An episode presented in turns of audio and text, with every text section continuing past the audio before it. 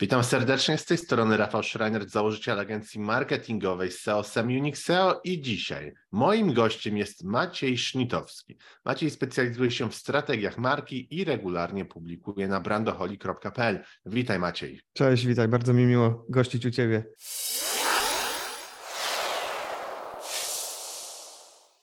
Fajnie, że udało nam się złapać. Od pewnego czasu tutaj ustalaliśmy nasze terminy ale chciałem Cię przypytać, bo dobrze specjalizujesz się w strategii marki, w brandingu, więc zacznijmy w ogóle od pytania podstawowego. Czym dla Ciebie jest strategia marki?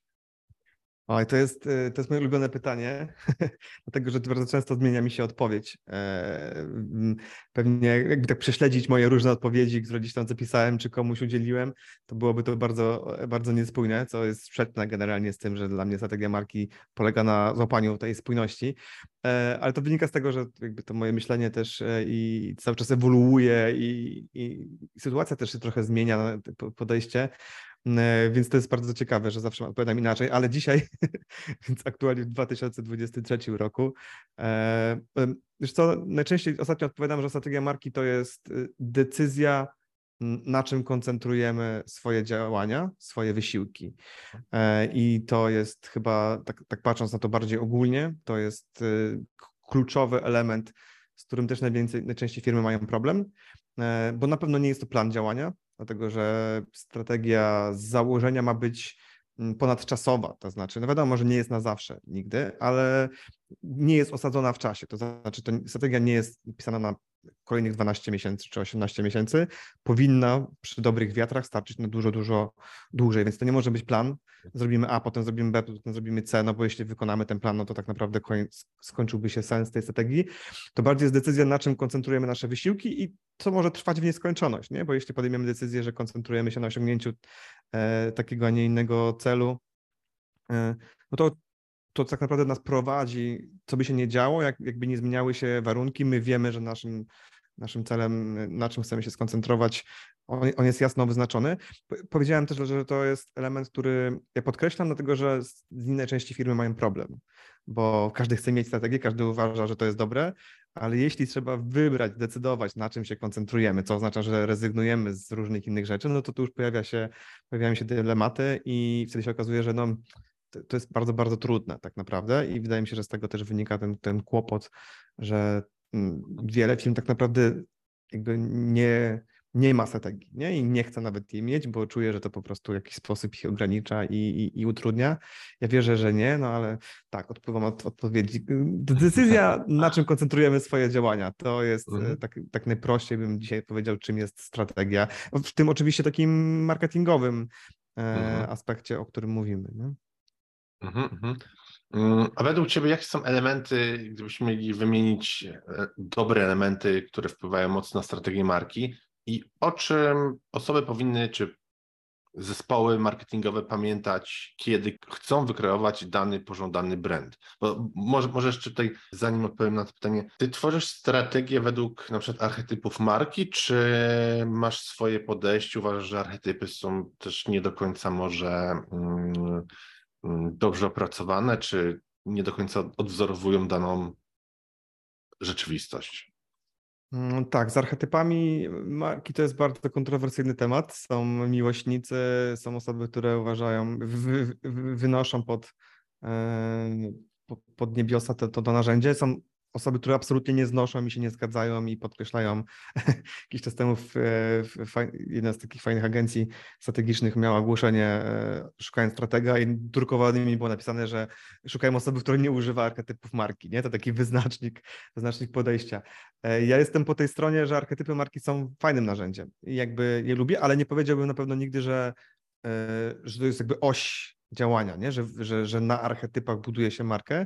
Jak dla mnie to jest jedno z narzędzi, które pomaga po prostu zdefiniować trochę jej tożsamość. Nie? I e, mhm. nie zawsze jest idealny, nie zawsze pasuje. Marki są bardzo różne. E, zresztą wiesz, moglibyśmy tu otworzyć cały worek e, czy mówimy o markach B2C, markach B2B, usługowych, produktowych, to się bardzo, bardzo różni, ale z założenia mm, archetypy mm, pomagają. Ja, ja lubię z nich czasami korzystać, ale też jest wokół nich wiele kontrowersji bo one są mm, bardzo intuicyjnym, wydają się bardzo prostym, intuicyjnym narzędziem i to sprawia, że często są wykorzystywane po prostu błędnie, nie? Bo ktoś tak sobie bez zagłębienia się, jaki jest mechanizm tego narzędzia, tak po prostu sobie patrzy na koło archetypów, mówi, o, ta nazwa ładnie brzmi, to nam pasuje, tutaj jest fajnie, to, to sobie... Tego bym wybrał.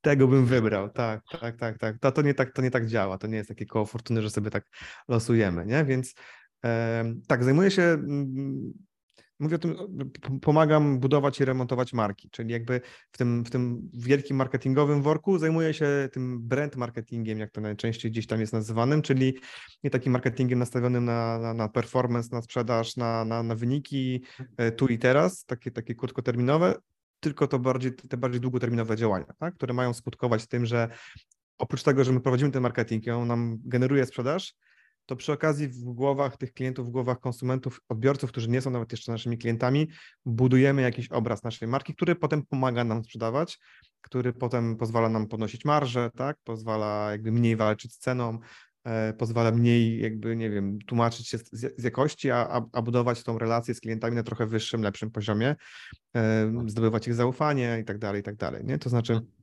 e, częściej pracuję też z markami właśnie usługowymi, czy z markami B2B, bo tam to jest jeszcze, jeszcze istotniejsze. Nie? Jeśli im bardziej zakup jest, e, im mniej zakup jest taki impulsywny, nie? czy nie jest tak, że wybieram sobie czekoladkę z, z półki w supermarkecie bez zastanowienia, im bardziej to jest coś, co muszę przemyśleć, przeanalizować, skonsultować z innymi osobami, a tak mamy, tak, tak wygląda proces decyzyjny w B2B, czy, czy w przypadku usług, tym ważniejsza jest rola zaufania, do, tego, do, do, tej firmy, do tej marki i tutaj właśnie tym ważniejsza jest rola tego brandu, nie? Więc jakby najczęściej, mhm.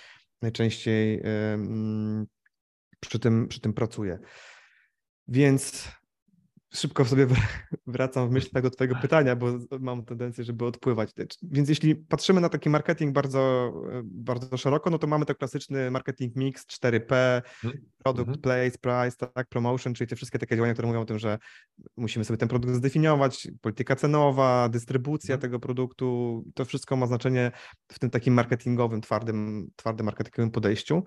E, więc jeśli w tym, w tym dużym worku mamy ten worek marki, to tutaj też jest takie 4P, mhm. które, na którym lubię się opierać, ale troszeczkę inne to są aspekty. Ja to nazywam takimi czteremi filarami marki. Nie wymyśliłem tego, nie wiem, kto jest autorem, bo to tak krąży gdzieś tam, ale mhm. tu mam takie też cztery elementy na, na, na P, które tym, że to jest positioning, czyli pozycjonowanie marki, jest promise, czyli obietnica wartości, e, value proposition, czasami też tak to nazywamy, jest personality, czyli osobowość marki, E, I jest purpose, czyli taka, mm, taki pozafinansowy cel, misja. To, to, nie jest dokładnie to samo, ale tak mniej więcej można by do tego worka to wrzucić, tak? Czyli z jednej strony mam ten element pozycjonowania marki, który mówi o tym, jaką pozycję na rynku zajmujemy, ale też jaką pozycję w głowach, w świadomości klientów chcemy zająć, z czym chcemy być kojarzeni. E, I to brzmi błaho, ale to jest jedna z najtrudniejszych de decyzji właśnie. Nie? I to jest jedna z tych najtrudniejszych elementów, które w budowaniu marki musimy sobie zdefiniować. Znaczy nie musimy, ale możemy i powinniśmy. E, obietnica wartości, czyli obietnica wartościowej korzyści czasami, nie? czyli to, co takiego my dajemy naszym e, odbiorcom, naszym klientom, co im obiecujemy, jaką wartość, jaką korzyść, dlaczego mieliby w ogóle z nami rozmawiać. To jest coś, co też musimy sobie zdefiniować. E, osobowość i tu właśnie w tym, w tym, w tym filarze osobowości wchodzą archetypy, jak dla mnie. To, to jest, mhm. widzisz, jakby w tym, mm, tutaj one odgrywają swoją rolę, bo... Tak takim, to jest taki jeden z elementów tak naprawdę, nie? Czyli ja w archetypach nie opierałbym całej strategii, ale one pomagają nam e, określić osobowość marki, czyli jakby relację, którą budujemy z klientem. Nie? I tutaj właśnie wchodzą archetypy, które mówią, że mam 12 takich typów i e, nie wchodząc w szczegóły, tak, one jakby pokazują, kim jesteśmy dla naszego klienta w, te, w, te, w tej naszej e, relacji.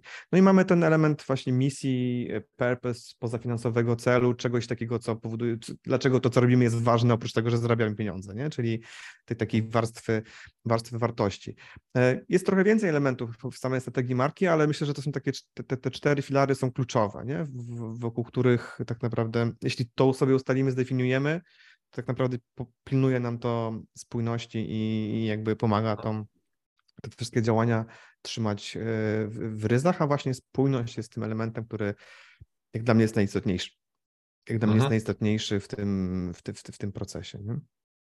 Ja tutaj nawiążę do tego, co powiedziałeś przed chwilą, że ty odchodzisz od tego performance, jesteś bardziej brandowy Ja też częściowo to podzielam. Wiele osób myśli, że my jesteśmy agencją, wiesz, marketingową, robimy SEO, adsy, to jest taki direct response, typowy performance, ale ja też nie jestem zwolennikiem tego do końca. Jeszcze w e-commerce o tych, jak mamy produkty o niskiej wartości, gdzieś tam ten sam performance jeszcze powiedzmy w firmie ujdzie, ale większość u nas w portfolio i firm, które widzę są długo na rynku, to i tak muszą w ten brand inwestować. Mm, powiedzmy sobie szczerze, że obecnie jest bardzo duży mm, taki brak zaufania do nowych marek. Ludzie nie lubią kupować od firmy, której w ogóle nie znają, o której nie słyszeli, więc ja uważam też cały czas, że ten brand jest bardzo ważny. I też jestem zwolennikiem tego, żeby reklamy nawet takie performance'owe nie były z typowym kontentem performance'owym, czyli chodź do nas, kup, jesteśmy sklepem takim, czy tam firmą taką, tylko żeby robić takie powiedzmy w reklamach sporo dawać kontentu takiego brandowego, czy budującego rozpoznawalność, zaufanie, jakieś poradniki i tak dalej, bo to też świetnie działa na sprzedaż. Może nie jest taki efekt od razu, ale w przeciągu na przykład kwartału czy dwóch kwartałów jest znaczący wzrost pomiędzy takim typowym performancem. Bo jak ktoś robi tylko performance, to tam praktycznie nie ma już możliwości, żeby robić coś innego. No, ustawia reklamy na konwersję, ma te teksty konwers na, wysoce na konwersję, chodź do nas kup, no i tam nie bardzo jest co zmienić. On może kolory grafik zmieniać czy, czy hasła, ale to nie jest y, game changer. A to jeśli zrobić sobie ten brand, to, to też widziałem sporo, sporo naprawdę badań, że znacząco konwersja na e-commerce'ach wzrasta, jeśli to jest sklep no-name kontra takim z mega brandem. I to jest sporo, sporo takich informacji na necie mamy. Wiesz co, bo to jest, tak, Czyli... tak, to jest, to, to jest tak, że jakby tak bardzo tradycyjnie od, od, zawsze jakby mam wrażenie, że się zastawiało mocno w kontrze, nie? że albo masz właśnie performance marketing, albo brand tak. marketing tak. i albo sprzedajesz, albo masz kampanie wizerunkowe. Nie? I to się tak kojarzyło, że tutaj sprzedajesz, a tutaj masz tylko takie wizerunkowe, które takie są rozmemłane i właściwie to one do niczego nie prowadzą, ale buduje się tak w jakimś dalszym, nie wiadomo jakiej, wiesz, odległej przyszłości coś z tego będzie. A ja wierzę, że to się da po prostu sensownie połączyć, nie? I tak naprawdę wiadomo, że performance jest, jest ważny, ale to nie jest, to się nie wyklucza, nie? Możesz robić kampanię performanceową i zadbać o to, żeby przy okazji odpowiednio budować brand. I, I tak samo w kampaniach takich czysto brandingowych, to znaczy no brand, brand buildingowych, takich, gdzie budujemy mhm. markę, na to jesteśmy nastawieni. Tam też oczywiście możemy mm, realizować te cele, może nie sprzedażowe, ale jakby przesuwać klienta gdzieś tam w tym, w, w tym lejku, bo to nie zawsze jest kup tak. tutaj, kup teraz, nie? Ale hmm. jeśli to jest długi proces decyzyjny na przykład, albo ten lejek jest właśnie gdzieś tam zapina się bardzo szeroko, to to jest przesuwanie i, i, i budowanie relacji. I ja, ja tutaj to najczęściej sprowadzam do takiego jednego elementu, to znaczy mm, ja się tak trochę uważa, że budowanie marki to jest takie właśnie budowanie emocji tylko i, i, i wizerunku. Dla mnie kluczowa jest zapamiętywalność, nie? To znaczy mhm. e, wiemy, Ten że konwersja na reklamę... można powiedzieć. Tak, ale jeśli zaczynasz, no, jesteś nową marką, której nikt nie zna i wychodzisz z kampanią taką performanceową kup teraz, to ktoś albo kupi, albo nie kupi. No i wiemy, że większość osób tego nie zrobi, no bo tam konwersja to jest jakieś tam kilka procent. E, najczęściej e, jest taka zasada... Po, po, powiem Ci, że w nowym e-commerce to jest zawsze poniżej 1%, e, często to jest poniżej 0,5% konwersja dla takich no i wiesz co, i to jest taka, jest taka zasada, już teraz nie pamiętam a, a, autora, ale na to się powołuje, um, powołuje się na to Baron Sharp, wiesz, znana teraz kontrowersyjna postać marketingu. E, kurczę, zapomniałem nazwiska, ale to jest, tak, nazywają to 95 na 5 rule, nie? zasada 95 na 5, która mówi o tym, że ze 100% odbiorców, do których docierasz swoją reklamą, tylko 5% mhm. w ogóle jest jakkolwiek zainteresowana zakupem, nie? czyli w ogóle rozważa zakup tego, co ty sprzedajesz. I teraz z tych 5% tylko ileś tam w ogóle coś, coś, coś zrobi, a oni mówią, że nawet, że teraz jakby w kryzysie, w tych sytuacjach trudnych, to się w ogóle zmienia do, do zasady 99 na 1, nie? czyli ze 100% tylko 1% jest zainteresowany, no i to by tłumaczyło te, te, te konwersje, więc jak dla mnie jakby sens budowania marki polega na tym, że jeśli docierasz ze swoją kampanią do, do, do, do 100 osób i tylko jedna może kupić dzisiaj, to nie zapominaj o tych 99 i zrób coś, żeby oni zapamiętali twoją, twoją reklamę, to znaczy zapamiętali twoją markę. Bo jeśli zobaczą twoją reklamę raz, drugi, trzeci, czwarty, piąty i z tych pojedynczych kontaktów nie będzie nic wnikało, bo one będą od sasa do lasa, nie będą miały spójności, nie będą miały czegoś, co powoduje, że nam to jakoś zostaje w głowie, no to marnujesz tę okazję, nie? To skupiasz się tylko na tym jednym procencie osób, które jakby działa to tylko dzisiaj. Więc to nie chodzi o to, żeby ta kampania była bardzo emocjonalna, wiesz, i żeby te reklamy były nie, nie, nie wiadomo jak y, wizerunkowo rozbudowane, nie? To nie chodzi o to. Chodzi o to, żeby pomyśleć, jak możemy tam naszą markę zaznaczyć, żeby ona w jakiś sposób zaczynała się zapisywać w głowie odbiorców, nie? Że jeśli ktoś widzi naszą reklamę czwarty, piąty, dziesiąty raz, to mówi, kurczę, kojarzę, to, są, to już, już trochę ją znam, nie? A doskonale wiemy, że e, te, te marki, które bardziej znamy, to im bardziej ufamy, bo to jest prosty mechanizm. Nie? Jeśli coś lepiej znam, coś mi się wydaje znajome, to bardziej temu ufam, no bo, bo jest mi po prostu bliższe. Nie? Więc to taki zdemonizowany ten, ten, ten konflikt między performancem a, a, a brand marketingiem, ale to jest wszystko do pogodzenia, nie? Więc ja jakby pomagam właśnie w tym, w tym aspekcie brand marketingowym, mając na uwadze cele performance'owe, nie? Cele sprzedażowe tego wszystkiego i no właśnie, taki rozsądek, nie? Ale Wiesz, sorry, to... bo wytrąciłem cię z pytania.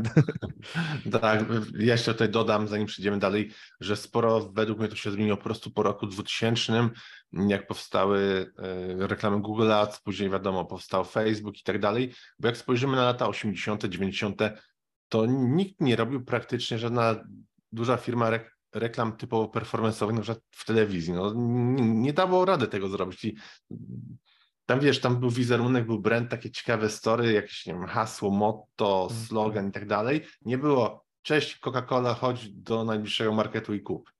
Nie, nie, nie było. Te, tele, zakupy były chyba jedynym performance marketingiem, nie? Zadzwoń tak. teraz, bo stracisz szansę na promocję. No ale to, no tak. tak, no bo wiadomo było, że jeśli ktoś leży przed telewizorem e, i ogląda sobie serial, to on nie poleci do sklepu kupić tej coli. Żabki, żabek nie było wtedy pod ręką, tak. tak, jak teraz, nie? Żebyśmy mogli w przerwie e, polecieć. Chociaż właśnie mi się daje, że żabka jest przykładem, nie? która mówi, wiesz, jest przerwa na reklamę, zdążysz polecieć do tego sklepu i kupić tak. sobie te, te, te, wiesz, to piwo, czy chipsy, czy cokolwiek tak. innego.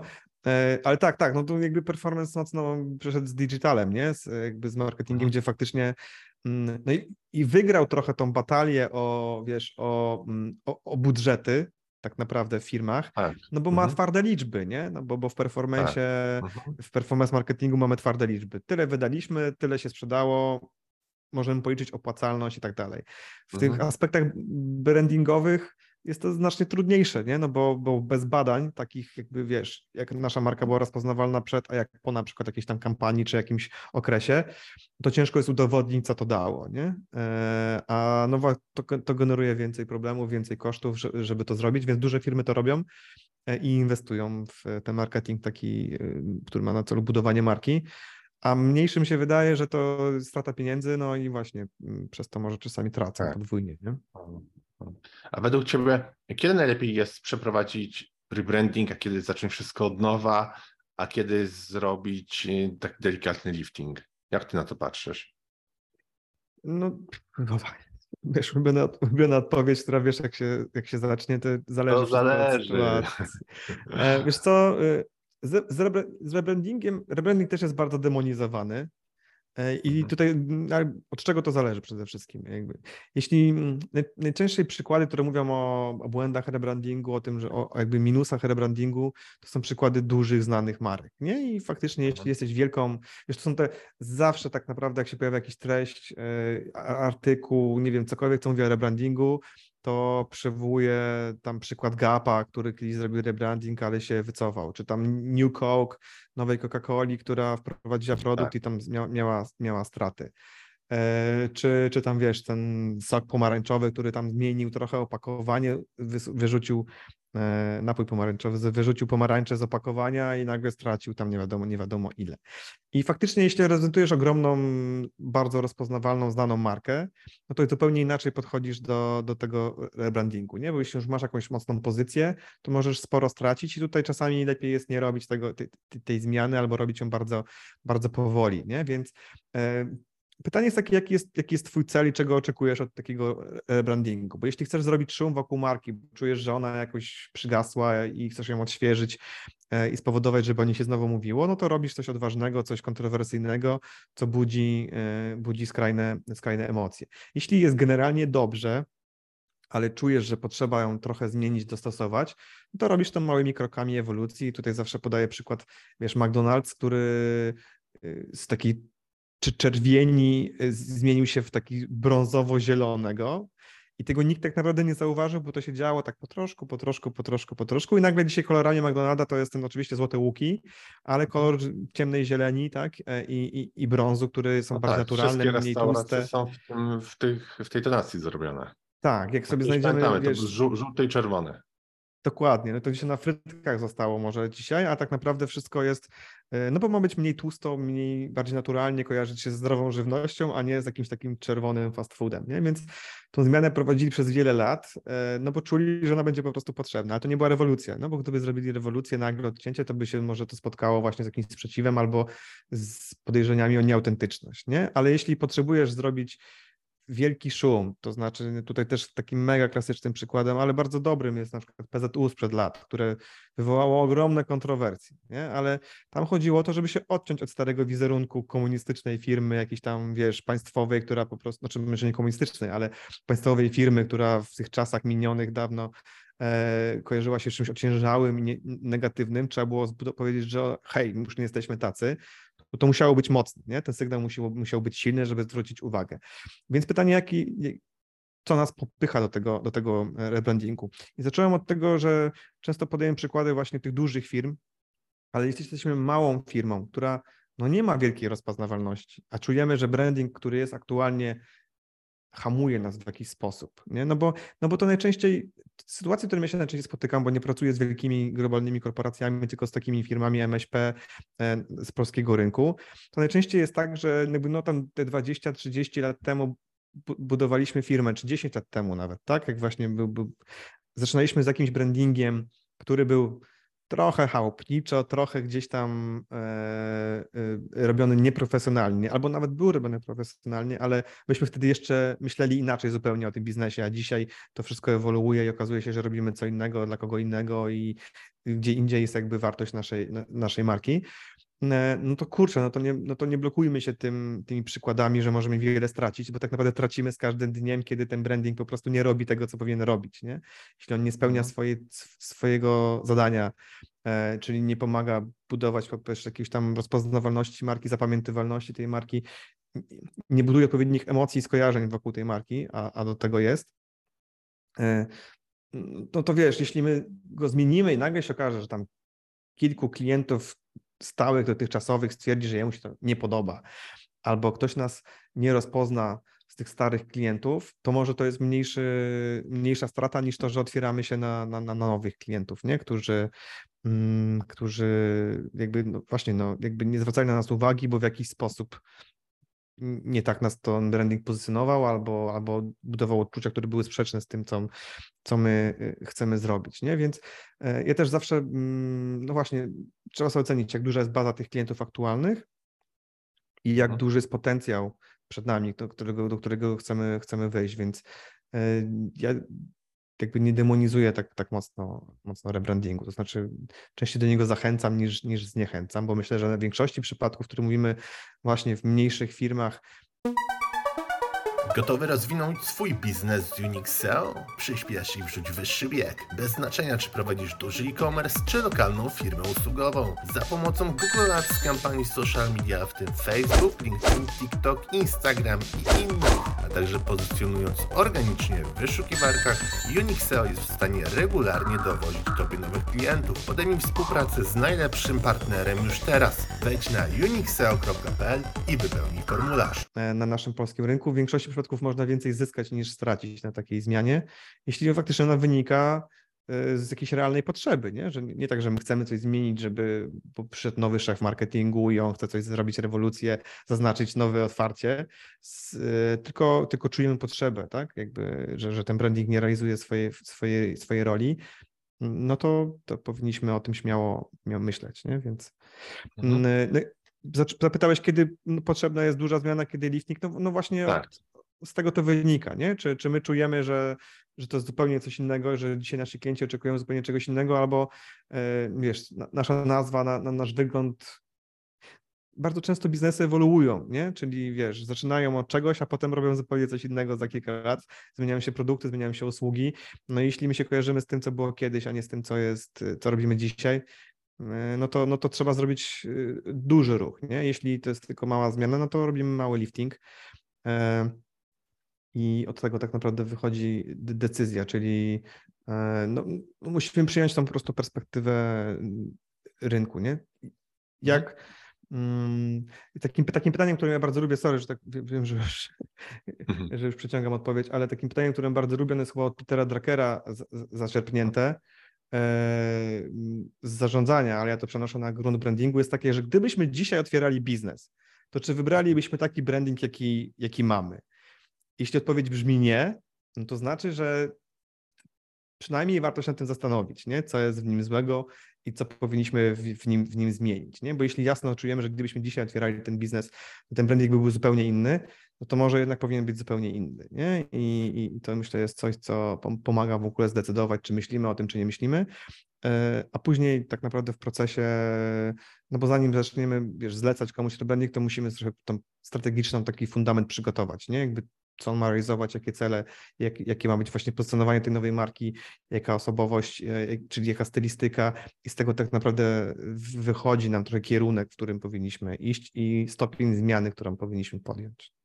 Mhm. Tutaj jeśli chodzi o to przyciąganie, to nie ma co tutaj się, wiesz, e, stresować, bo jak najlepiej chcę tutaj od Ciebie wyciągnąć jak najwięcej informacji, także to, że... Ja tutaj... już jestem, jestem gadułą, więc jakby to tu przerywaj śmiało. Nie? Ale nie, nie, to, że rzucasz tutaj anegdoty, takie ciekawe rzeczy, jak na przykład tutaj y, to powiedzenie, które zaczerpnąłeś od Petera Druckera, to jak najbardziej to jest, to jest bardzo fajne. Mm, a jak według Ciebie jest najlepiej określić brand purpose? Bo też mam wrażenie, że ludzie zajmują się trochę taką i, i szatą graficzną, i y, coś na stronie porobią, i coś w, w social mediach, ale że nie ma tego brand purpose, to jest praktycznie nieobecne. Brand purpose, czyli taki jakiś pozafinansowy, taki głębszy cel, sens naszego istnienia jako firmy, jako marki. On ma różne cele w zależności też od, od wielkości firmy i organizacji, nie? bo im większa firma, e, im większa organizacja, im więcej masz pracowników, Mm, tym większa jest taka wewnętrzna rola tego tak naprawdę, nie? Czyli po prostu ludzie chcą czuć, że oprócz tego, że pomagają, że zarabiamy pieniądze, tak, bo pracujemy i że zarabiamy pieniądze na, wiesz, dla właściciela tej firmy i dla, dla szefa, że ona staje się bogatsza, to chcą czuć, e, że no, że pomagają, wiesz, że robią coś fajnego, coś sensownego, że to, co po prostu robimy, ma, jaki, ma jakiś, jakiś sens, nie? To jest, wiesz, jakby zaspokojenie tych podstawowych potrzeb, że ok, zarabiamy, pracujemy, jest, jest ok. Chcemy też czuć, żeby to miało sens.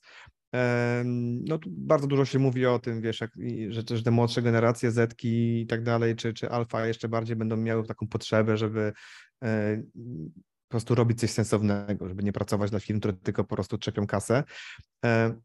E, więc im większa firma, tym, tym, tym większa jest taka wewnętrzna rola tego, żebyśmy my wewnętrz, wewnątrz firmie czuli, że to, co robimy, ma sens. I tutaj wtedy kluczowe jest to, żeby ten brand purpose nie był właśnie jakimś takim, wiesz, hasełkiem wymyślonym tylko po to, żeby go umieścić na stronie, tylko czymś, co wewnętrznie tak naprawdę jest odczuwalne, co jest realizowane i, i co istnieje. Nie? I teraz znowu, no właśnie to jest wielkie wyzwanie dla właścicieli wtedy takiej, takiej firmy, takiej marki, E, no bo jeśli go ustanowimy, e, kiedyś um, usłyszałem takie zdanie e, od, kurczę, zapomniałem nazwiska, ale to jest, to jest chłopak, który pracuje w Spotify'u, Polak. I on powiedział, że brand purpose, czy, czy w ogóle te wartości takiej, takiej firmy, one mają sens wtedy, kiedy możesz ich użyć jako argumentu w dyskusji, nie? Czyli, czyli wiesz, czyli jeśli decydujemy o czymś, i, i mamy na stole jakieś różne opcje. Ktoś mówi, dobra, powinniśmy wybrać tą, bo ona jest zgodna z, naszą, z naszymi wartościami, z naszą misją, z naszym brand purpose, e, to to powinno być argumentem, który pozwala to, tą wajchę przyciągnąć. Nie? Czyli to nie jest tylko hasełko, tylko coś, co na, czym naprawdę się kieruj, kierujemy. No więc to jest trudne, nie? No bo jeśli to ustanowimy, to to nie może być tylko hasełko, które gdzieś tam na ścianie wisi w firmie, tylko faktycznie według y, tych wartości powinniśmy postępować, nie? I to czasami może być sprzeczne z biznesem, z, in, z interesem biznesowym. E, no ale to musimy wyważyć, nie? Czyli, czyli wiesz, mm, ta wartość wewnętrzna czasami jest dużo ważniejsza no bo to się przekłada, nie? Bo jeśli będziemy mieli fajnych pracowników, którzy wierzą w to, co robią, to ten, to ten zysk tak naprawdę będzie, będzie większy niż tylko z tego, że gdzieś tam to hasełko e, sobie brzmi i ładnie wygląda. I oczywiście mamy przykłady, e, na które częściej się powołujemy ogólnie w marketingu, wiesz, tych marek takich jak Patagonia czy Tom, z których ten aspekt właśnie tego celu, czy tej misji zbudował markę na zewnątrz, nie? I za to jest ceniona ona przez klientów, że nie tylko robi kasę, ale realizuje jakiś fajny cel. Tylko wydaje mi się, że to jest y, no, trudniejsze do osiągnięcia, nie? bo po pierwsze nie w, każdej, nie w każdej branży, nie w każdej dziedzinie da się to osiągnąć. Mm, a poza tym myślę, że to są nieliczne przykłady, które tak naprawdę są takie, są takie jasne. Nie? To znaczy, ja jednak staram się dość twardo stąpać po ziemi i mm, jak patrzę na to, być może trochę, trochę to, to spłaszczam, ale dla klientów marki ważniejsze jest to, co oni z tego mają, nie? Czyli ta korzyść, która jest dla nich, to, co im to daje, to, co hmm. jak ich życie to zmienia, czy życie e, swoje osobiste, czy życie biznesowe, w zależności od tego, po jakiej marce mówimy. Czyli najważniejsza jest ta korzyść, nie? Propozycja wartości. I dla mnie to jest zawsze ten, ten, ten jeśli mówimy o tych czterech P, no to te promise, obietnica wartości jest ważniejsza w tym wszystkim, nie? Jakby hmm. co klient z tego będzie miał, że dlaczego miałby nas wybrać, dlaczego miałby nam akurat zaufać. I teraz dopiero troszkę dalej na tej ścieżce pojawia się ten brand purpose, czyli jeśli ja już wybrałem tą firmę albo jestem w stanie, jestem gotowy ją wybrać, bo mi to coś dobrego robi, to fajnie, jeśli przy okazji czuję, że ta firma też robi dobre rzeczy, że współpracuje z, mhm. z fajnymi ludźmi. I może część osób się, się tu obrazić i się to, to, to nie podobać, ale wydaje mi się, że jednak tak, to jest takie bardziej, takie bardziej rozsądne podejście, nie? czyli że ta obietnica wartości dla klienta e, jest ważniejsza niż to, dlaczego my robimy to, co robimy. Nie? Bo jeśli zaczynamy no. rozmowę z klientem od tego, robimy coś, bo dla nas to jest ważne, albo robimy coś, bo, bo, bo my to cenimy, to on sobie myśli fajnie, ale co ja z tego mam, że, że, że wy to cenicie, albo że dla was to jest ważne. Nie? I teraz mm, czasami to się łączy, tak? No bo jeśli to, co, dlaczego my to, co robimy, jest ważne dla innych ludzi, jest naprawdę, ma, ma dużą siłę, to my możemy z tego zrobić propozycję wartości. I to może być nasza wartość, że my robimy coś dobrego dla świata.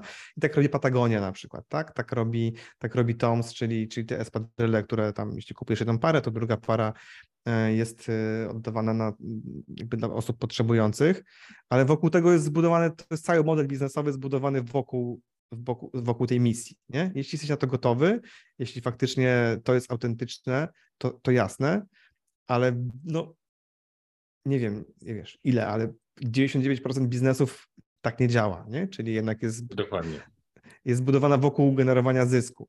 Więc też nie oszukujmy, że my to robimy, wiesz, dla, dla wyższej idei. E, tylko no, no, dla mnie zdrowsze jest to podejście, że robimy to dla naszych klientów, żeby oni byli zadowoleni, a przy okazji robimy coś dobrego dla, jakich, dla jakiegoś społeczeństwa, dla, dla jakiejś społeczności nawet małej, bo to nie zawsze musi być misja ratowania świata, nie? Czasami może być to, że po prostu robimy coś, e, nie wiem, lo, dla lokalnej społeczności, nie? Albo po prostu nie robimy złych rzeczy, nie? To, to, to też może być fajnie, więc tego nie warto rozdmuchać na siłę, ale, ale jednak no, to jest jeden z tych czterech elementów, w których mówimy e, o tych filarach, więc jest ważny, nie? I oprócz tego, że mhm. mamy tam te trzy, to, to ta, coś, co trzyma tej wartości i jest takim trochę naszym też kompasem właśnie, nie? Moralnym w tym, w tym co robimy, to, to jest potrzebne. Nie wiem, czy mhm. odpowiedziałem na twoje pytanie. Tak, jak najbardziej. E, takim głównym przesłaniem, które możemy zapędzać jest to, żeby tworzyć brand purpose też dla klientów, a nie tylko firma dla firmy, dla siebie, prawda? Tak jak ty napomniałeś, że większość firm mówi coś takiego zbyt, ja bym powiedział, wzniosłego o sobie, mają coś, cel, który przyświeca im, a nie klientom. Także Wiesz co, to, też... jest ważne, to, to jest ważne mhm. chyba warto dodać, że te dwie perspektywy musimy mieć e, na stole, nie? To znaczy, mhm. to nie może być tak, że my tylko piszemy to jako hasło na stronie i to jest tak przesadzone, że nasi pracownicy mówią, ta jasne, wszyscy wiemy, że jest zupełnie inaczej, bo to, bo to nie ma sensu, nie? E, to też nie może być tak, że to jest tylko wewnętrznie i, i nieważne dla klientów, nie? Musimy to wyważyć, to musi być, to, to jest tak trudne, nie? Bo to musi być autentyczne, żeby nasi ludzie, nasi pracownicy w to wierzyli, uważali, że faktycznie wynika to z działań biznesowych naszej, naszej firmy, a z drugiej strony coś, co dla klientów, przez klientów będzie doceniane, że jestem w stanie się pod tym podpisać, nie? to też w jakiś sposób jest mi bliskie, albo chcę takich ludzi wspierać, chcę z takimi ludźmi e, pracować, więc ważne jest to, żeby to ani to nie zamknąć się zbyt wewnętrznie, ani tylko, żeby to nie była wydmuszka dla, dla, dla klientów, nie? Tylko, mhm. mm, no tylko, więc właśnie jakby to, to, co chyba ja bym z jaką myślą zostawił, to jest to, żeby nie silić się, że to jest jakaś ogromna misja ratowania świata, nie? Brand purpose naprawdę może być na dość niskim poziomie, jeśli chodzi o jakby swoje rozdmuchanie. To nie musi być bardzo patetyczny, wielki cel.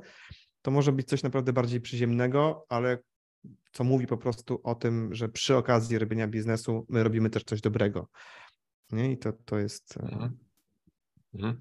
A o czym najlepiej jest pamiętać, teraz w ogóle może zejdźmy trochę niżej o, niż, niż taki główny cel. O czym jest najlepiej pamiętać podczas tworzenia identyfikacji wizualnej? Tutaj ostatnio też widziałem sporo w social mediach, ludzie po prostu całą identyfikację wrzucają gdzieś do AI, stwórz mi to, to, to, to, to i mają wyplutego praktycznie gotowca, który no fakt, AI coś tam przygotowało, zrobiły tak jakby, w cudzysłowie to dam, całość, ale to chyba właśnie nie o to chodzi, że to jest całość, prawda? E, no to jest, wiesz, trudny, trudny temat, no bo mm, wydaje nam się, że na dzisiaj no nie jest to takie, jakie powinno być jeszcze, nie? No ale wiesz, można, można podejrzewać, że, że, że z każdym rokiem to będzie coraz, coraz doskonalsze, coraz lepsze. E, no, no znowu, to chyba to, to co w, w wątku AI, jakoś tego nie, nie, nie rozdmuchując za bardzo, też nie jestem od tego specjalistą, e, no kluczowe jest to, co tam wpiszesz, nie? Bo jeśli zostawiasz taką totalną wolę, a zrób mi branding dla, nie wiem, dla kawiarni, no to, to jakby kto decyduje, jaki ten branding ma być. Tak samo jeśli pracujesz, e, tworzysz identyfikację wizualną, jako marketer, jako właściciel firmy, mówię z tej perspektywy, zlecasz ją e, projektantom, wykonawcom, grafikom, to też nie jest tak, że mówisz im, zróbcie mi coś, nie? tylko musisz dać im jakieś wytyczne, jaka ta marka ma, ma być, nie? do kogo ona dociera, jakie, jakie myśli ma, jakie skojarzenia ma rodzić w głowie tego, tego odbiorcy, nie? jak on mają sobie zaszufladkować w swojej głowie, obok czego umieścić, jakie emocje wywołać, czy ma być bardziej profesjonalna, czy bardziej przyjazna i tak dalej, i tak dalej. To wszystko trzeba wyważyć, czy, czy wiesz, dostępna, elitarna, e, tych, tych aspektów takich, tej osobowości właśnie marki, które przekłada się na stylistykę jest, jest bardzo dużo. jaka jest ta, ta wartość, nie? Którą, którą ma to przekazywać i tak dalej. To wszystko jakby briefujesz projektantów, co, co, co mają stworzyć, nie? Więc um, jeśli dobrze zbriefujesz, tak, czy spromptujesz, tak to się chyba mówi, taką mhm. sztuczną mhm. inteligencję, e, to, to, wydaje mi się, że jest to możliwe, nie? Że, że, że projektanci, ja też jakby zaczynam karierę jako, jako projektant, więc czuję się też częścią tej, tej społeczności, że jakby w jakiś sposób stracimy kiedyś pracę, nie? Bo, bo sztuczna inteligencja będzie to generowała, Oczywiście jeszcze daleko jest do tego dzisiaj, nie? Żeby, żeby z... ona może stworzyć koncept, nie? I bardziej tak. wierzę w to, że jakby studio graficzne może wykorzystywać sztuczną inteligencję, żeby generować jakieś koncepty, ale potem to trzeba też jakoś usystematyzować, uporządkować, opracować i, i tutaj z tym sobie na razie póki co te, te programy na pewno nie poradzą, bo one wyrzucają pomysły, koncepty, nie? a potem w jakiś mhm. sposób trzeba to, to unormować. Wiesz, kończy się takim brand manualem, księgą identyfikacji, która mówi o zasadach stosowania, kiedy, jak, co. E, no i tego pewnie na dzisiaj sztuczna inteligencja tak, tak dobrze jeszcze nie, nie, nie stworzy. Albo też musi być dostosowane do potrzeb danej firmy. Nie? I ona Ty masz coś takiego u siebie na, na stronie albo gdzieś tam na blogu, żeby ewentualnie osoby, które nas słuchają, mogły sobie to doczytać? A mówisz o czym teraz? E, o... Y, tutaj jeśli chodzi o ten taki brand manual, tak jak powiedziałeś, że są pewne wytyczne, takie wiesz, szablonowe. Nie, wiesz co, nie mam, e, mam w planach taki odcinek podcastu na ten temat, jeszcze nie powstał, okay. ale, ale chyba o tym stricte nie pisałem jeszcze. E, jakie są, mam taki pomysł na właśnie, jakie są błędy no, w brand manualach, to znaczy jak, czego tam unikać i bardzo często one są, powstają trochę, trochę bezsensownie. E, ale na dzisiaj, znaczy mam nadzieję, że jak ktoś tego słucha za jakiś czas, to być może już sobie tam gdzieś na Brandoholiku to, e, to, to znajdzie i to będzie dostępne. E, na tą chwilę trudno jest mi do tego odesłać, nie? Ale jakby mm, wracając do twojego, do twojego, do twojego pytania wcześniejszego, czy tego, tego głównego. Co jest ważne w tworzeniu identyfikacji wizualnej? Mm, teraz im bardziej przesuwamy się w stronę mm, B2B czy, czy, czy usług, gdzie ten, ten proces zakupowy klienta jest dłuższy, tym ważniejsza będzie zapamiętywalność. Mhm. To jest, taki, to jest takie słowo, które chyba nie istnieje w ogóle w języku polskim. Ja sobie tak lubię używać, ale zawsze mi podkreśla na czerwono, że to jest błąd e, ortograficzny. Zapamiętywalność rozumiem tak, że no właśnie to, co wspomnieliśmy wcześniej, nie? Mm, jakie elementy zostaną zapamiętane z tego brandingu? Co takiego w naszym brandingu gdzieś tam zapisuje się ludziom, ludziom w głowach, czyli nie jest jakimś czymś generycznym, nie jest czymś tak nijakim, wypowiałem, że po prostu przechodzimy obok tego e, obojętnie, ale co może być takim elementem, który gdzieś tam komuś zostaje w głowie. I to może być jakiś symbol, tak? To może być nasze, nasze, nasze logo, jakiś znak, to może być jakiś brand hero, jakiś charakterystyczny, nie wiem, kolor, tak? Czy motyw graficzny. Tych elementów może, może być sporo. Mówimy o nich distinctive brand assets, nie? Czyli yy, takie charakterystyczne, dystynktowne, dystynktywne mm, zasoby marki, aktywa marki, tak o tym możemy mówić. I tymi aktywami mogą być różne rzeczy, nie? Wiesz, fioletowa krowa Milki, nie? Jest przykładem E, czy, czegoś takiego, więc, więc niby zwykła krowa, ale fioletowa i to powoduje, że jakby zapamiętujesz to, nie? Czy, czy tych elementów może być naprawdę, naprawdę sporo, więc teraz pytanie, więc ja troszkę lubię wychodzić z, takiego, z takiej definicji, że branding to jest właśnie system takich charakterystycznych elementów. Ich może być więcej, może być oparty branding o jeden bardzo mocny, bardzo silny, e, no ale nie każda firma będzie miała, wiesz, coś tak innego i mocnego jak fioletowa krowa, nie? Ale jakby kompozycja tych różnych e, charakterystycznych elementów może być właśnie tyle charakterystyczna, że kojarzona z nami i, i, i zapamiętywalna przez, przez ludzi, więc mhm. e, to jest chyba coś, co jakby nie jest instrukcją, jak zaprojektować dobry branding, ale jeśli mówimy do, do marketerów, do biznesu, to, to jeśli wybieramy identyfikację wizualną dla swojej firmy, to chyba warto wspominać o tym, jakby, żeby ocenić sobie, ok, załóżmy, że nasz klient Okej, okay, jeszcze jeden krok do tyłu. Bardzo często okay. oceniamy, oceniamy identyfikację wizualną czy, czy branding danej firmy, wiesz, oglądając na przykład portfolio projektantów czy, czy, czy, czy kogoś innego, jako cały zestaw, nie? Czyli widzimy cały zbiór elementów. Teraz musimy odpowiadać o tym, że bardzo często potencjalny klient będzie miał kontakt, nie wiem, zobaczy jeden post w mediach społecznościowych, nie? Albo jakąś jedną reklamę albo gdzieś będzie, nie wiem, na targach weźmie jakiś katalog, ulotkę, albo w jakikolwiek inny sposób będzie przechodził ulicą, zobaczy naszą witrynę. Będzie miał kontakt z jednym elementem, nie? I potem załóżmy, że będzie miał kontakt z drugim w jakikolwiek sposób, nie? Bo, bo nie wiem, za, zaatakuje go remarketing, czy zobaczy inną reklamę, co spowoduje, że on to połączy, że, że miał kontakt z tą samą marką, nie? Co, co da ciągłość, co da tą spójność i no, no i to właśnie musi być ten element, który będzie na tyle charakterystyczny, zapamiętywalny, że on zacznie kojarzyć to z nami, nie? Czyli jeśli za piątym, szóstym razem to coś zobaczy, ten element mhm. naszego brandingu, to powie, o, kojarzę ich, znam już ich, nie? I to znowu jest ten efekt, że to jest, brzmi bardzo delikatnie, bardzo błaho, ale to już jest duży, e, duży postęp, nie? Że on zaczyna nas kojarzyć tak naprawdę. Jeśli mówimy oczywiście o tych markach, o tych biznesach, które nie są powszechnie rozpoznawalne, powszechnie znane, no bo tam jest zupełnie inna historia, nie? Ale to jest też właśnie, myślę, słabość znaczy myślę trudność, z którą spotyka się wiele biznesów, że większość treści marketingowych, brandingowych podaje przykłady i mówi o tych wielkich brandach, nie? które na troszkę innym mhm. poziomie mm, budowania marki są, nie? bo tam się walczy czasami o jakąś świeżość, o to, żeby, wiesz, żeby o nas się mówiło, żebyśmy byli, a, a, a większość biznesów, z którym pewnie tutaj wśród naszych słuchaczy, twoich słuchaczy, są firmy, które w ogóle walczą o to, żeby, żeby być znanym, nie?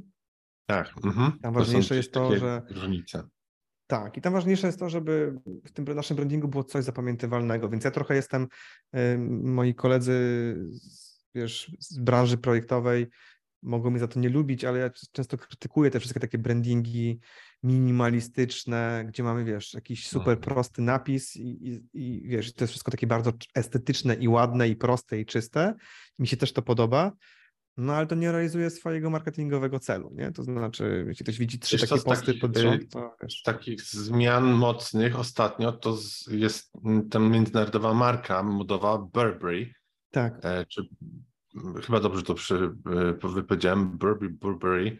E, oni tak. mieli ostatnio, znaczy tak, kiedyś mieli takie klasyczne logo jeszcze z postacią, z, z obrazkiem, coś w stylu Polo Ralph Lauren, później mm -hmm, zmienili mm -hmm. na mhm. takie mega minimalistyczne, że to była czcionka bez szeryfów I teraz widziałem, że ostatnio znowu wrócili do tego. A to nawet nie wiem, czy to albo ty, albo ktoś, ktoś inny, kogo tak obserwuję, tak.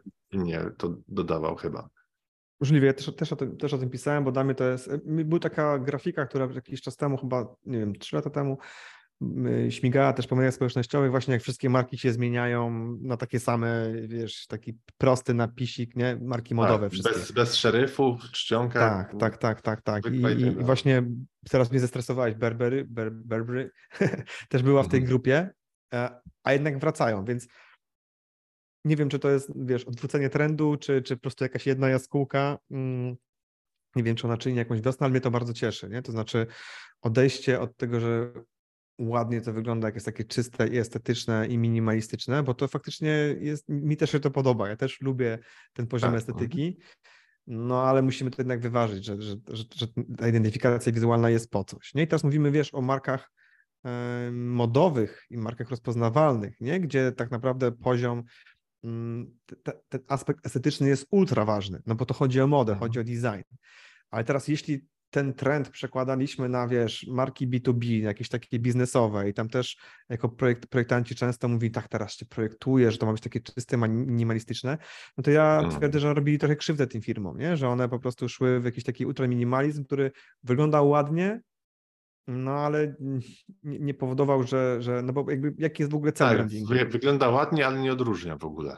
Ale nie odróżnia, nie? I to jak, jak podstawowy cel brandingu jest taki, żeby ktoś kojarzył ciebie po wyglądzie po prostu, nie? Tak. I nawet mhm. jeśli tam nie ma twojej nazwy, nawet, nawet czasami nie ma twojego logo, to rozpoznał, że ma kontakt z, z tą marką, nie? I mhm. no i tylko tyle, tylko tyle chodzi, nie? Więc warto, warto mm, wiesz, z tego naszego brandingu wyrwać jeden element, nie wiem, wrzucić go właśnie, wiesz, wyobrazić sobie taki post w mediach społecznościowych, gdzie ktoś skroluje po prostu, wiesz, w ciągu 10 sekund widzi 20 postów, to samo, tylko in, inne logo. Tak, i co spowoduje, e, co spowoduje że, że, że, że w jakiś sposób on to zapamięta, nie? że widział, że miał kontakt z tą marką, a o to nam tak naprawdę chodzi. Nie? Więc tą zapamiętywalność to jest coś, co ja bardzo często powtarzam. E, nie wiem, czy wiesz, czy, czy, czy to jest obiektywne, e, czy, czy obiektywnie to jest najważniejsza rzecz, ale ja bardzo na to uczulam.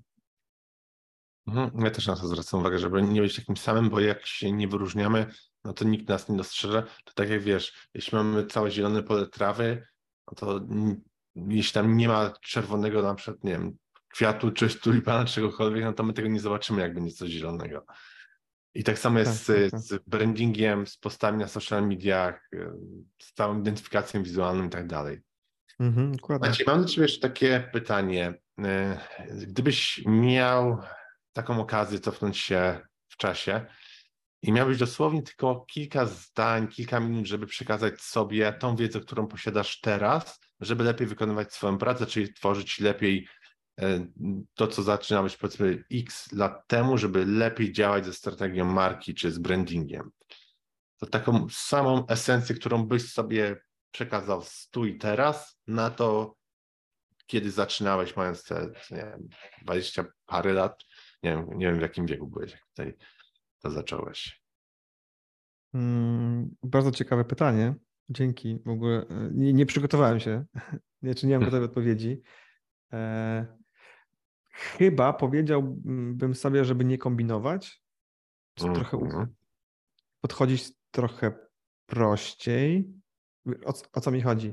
Chodzi o to, że jak wymyślamy sobie branding, wymyślamy sobie komunikację marketingową, wymyślamy sobie naszą markę, e, my jako właściciele, jako marketerzy, czy właśnie takie osoby jak ja, które przychodzą z zewnątrz i pomagają to zrobić, mm, to mamy taką tendencję, żeby to zrobić tak bardzo ambitnie i czasami trochę przekombinować. To znaczy, ten nasz pomysł jest, wiesz, taki dziś głębiej zaszyty i taki mądry, e, mhm. że mówimy, ale wow, ale super, a potem się okazuje, że on nie robi swojej roboty, bo nikt nie jest w stanie go zdekodować w drugą stronę. Nie? I to jest, to jest coś, co czasami też, y, czego się nauczyłem, trochę obserwując też swoje błędy, nie? ale też jakby mm, te, te marki, którym, którym, którym pomagałem, no i wyciągam wnioski też z tych różnych, z tych różnych sytuacji, że czasami mam taką tendencję do, do przekombinowania właśnie, nie? To znaczy, my nie mamy tego dystansu, hmm, znaczy nam się wydaje, że jakby siedzimy bardzo blisko z marką, nie?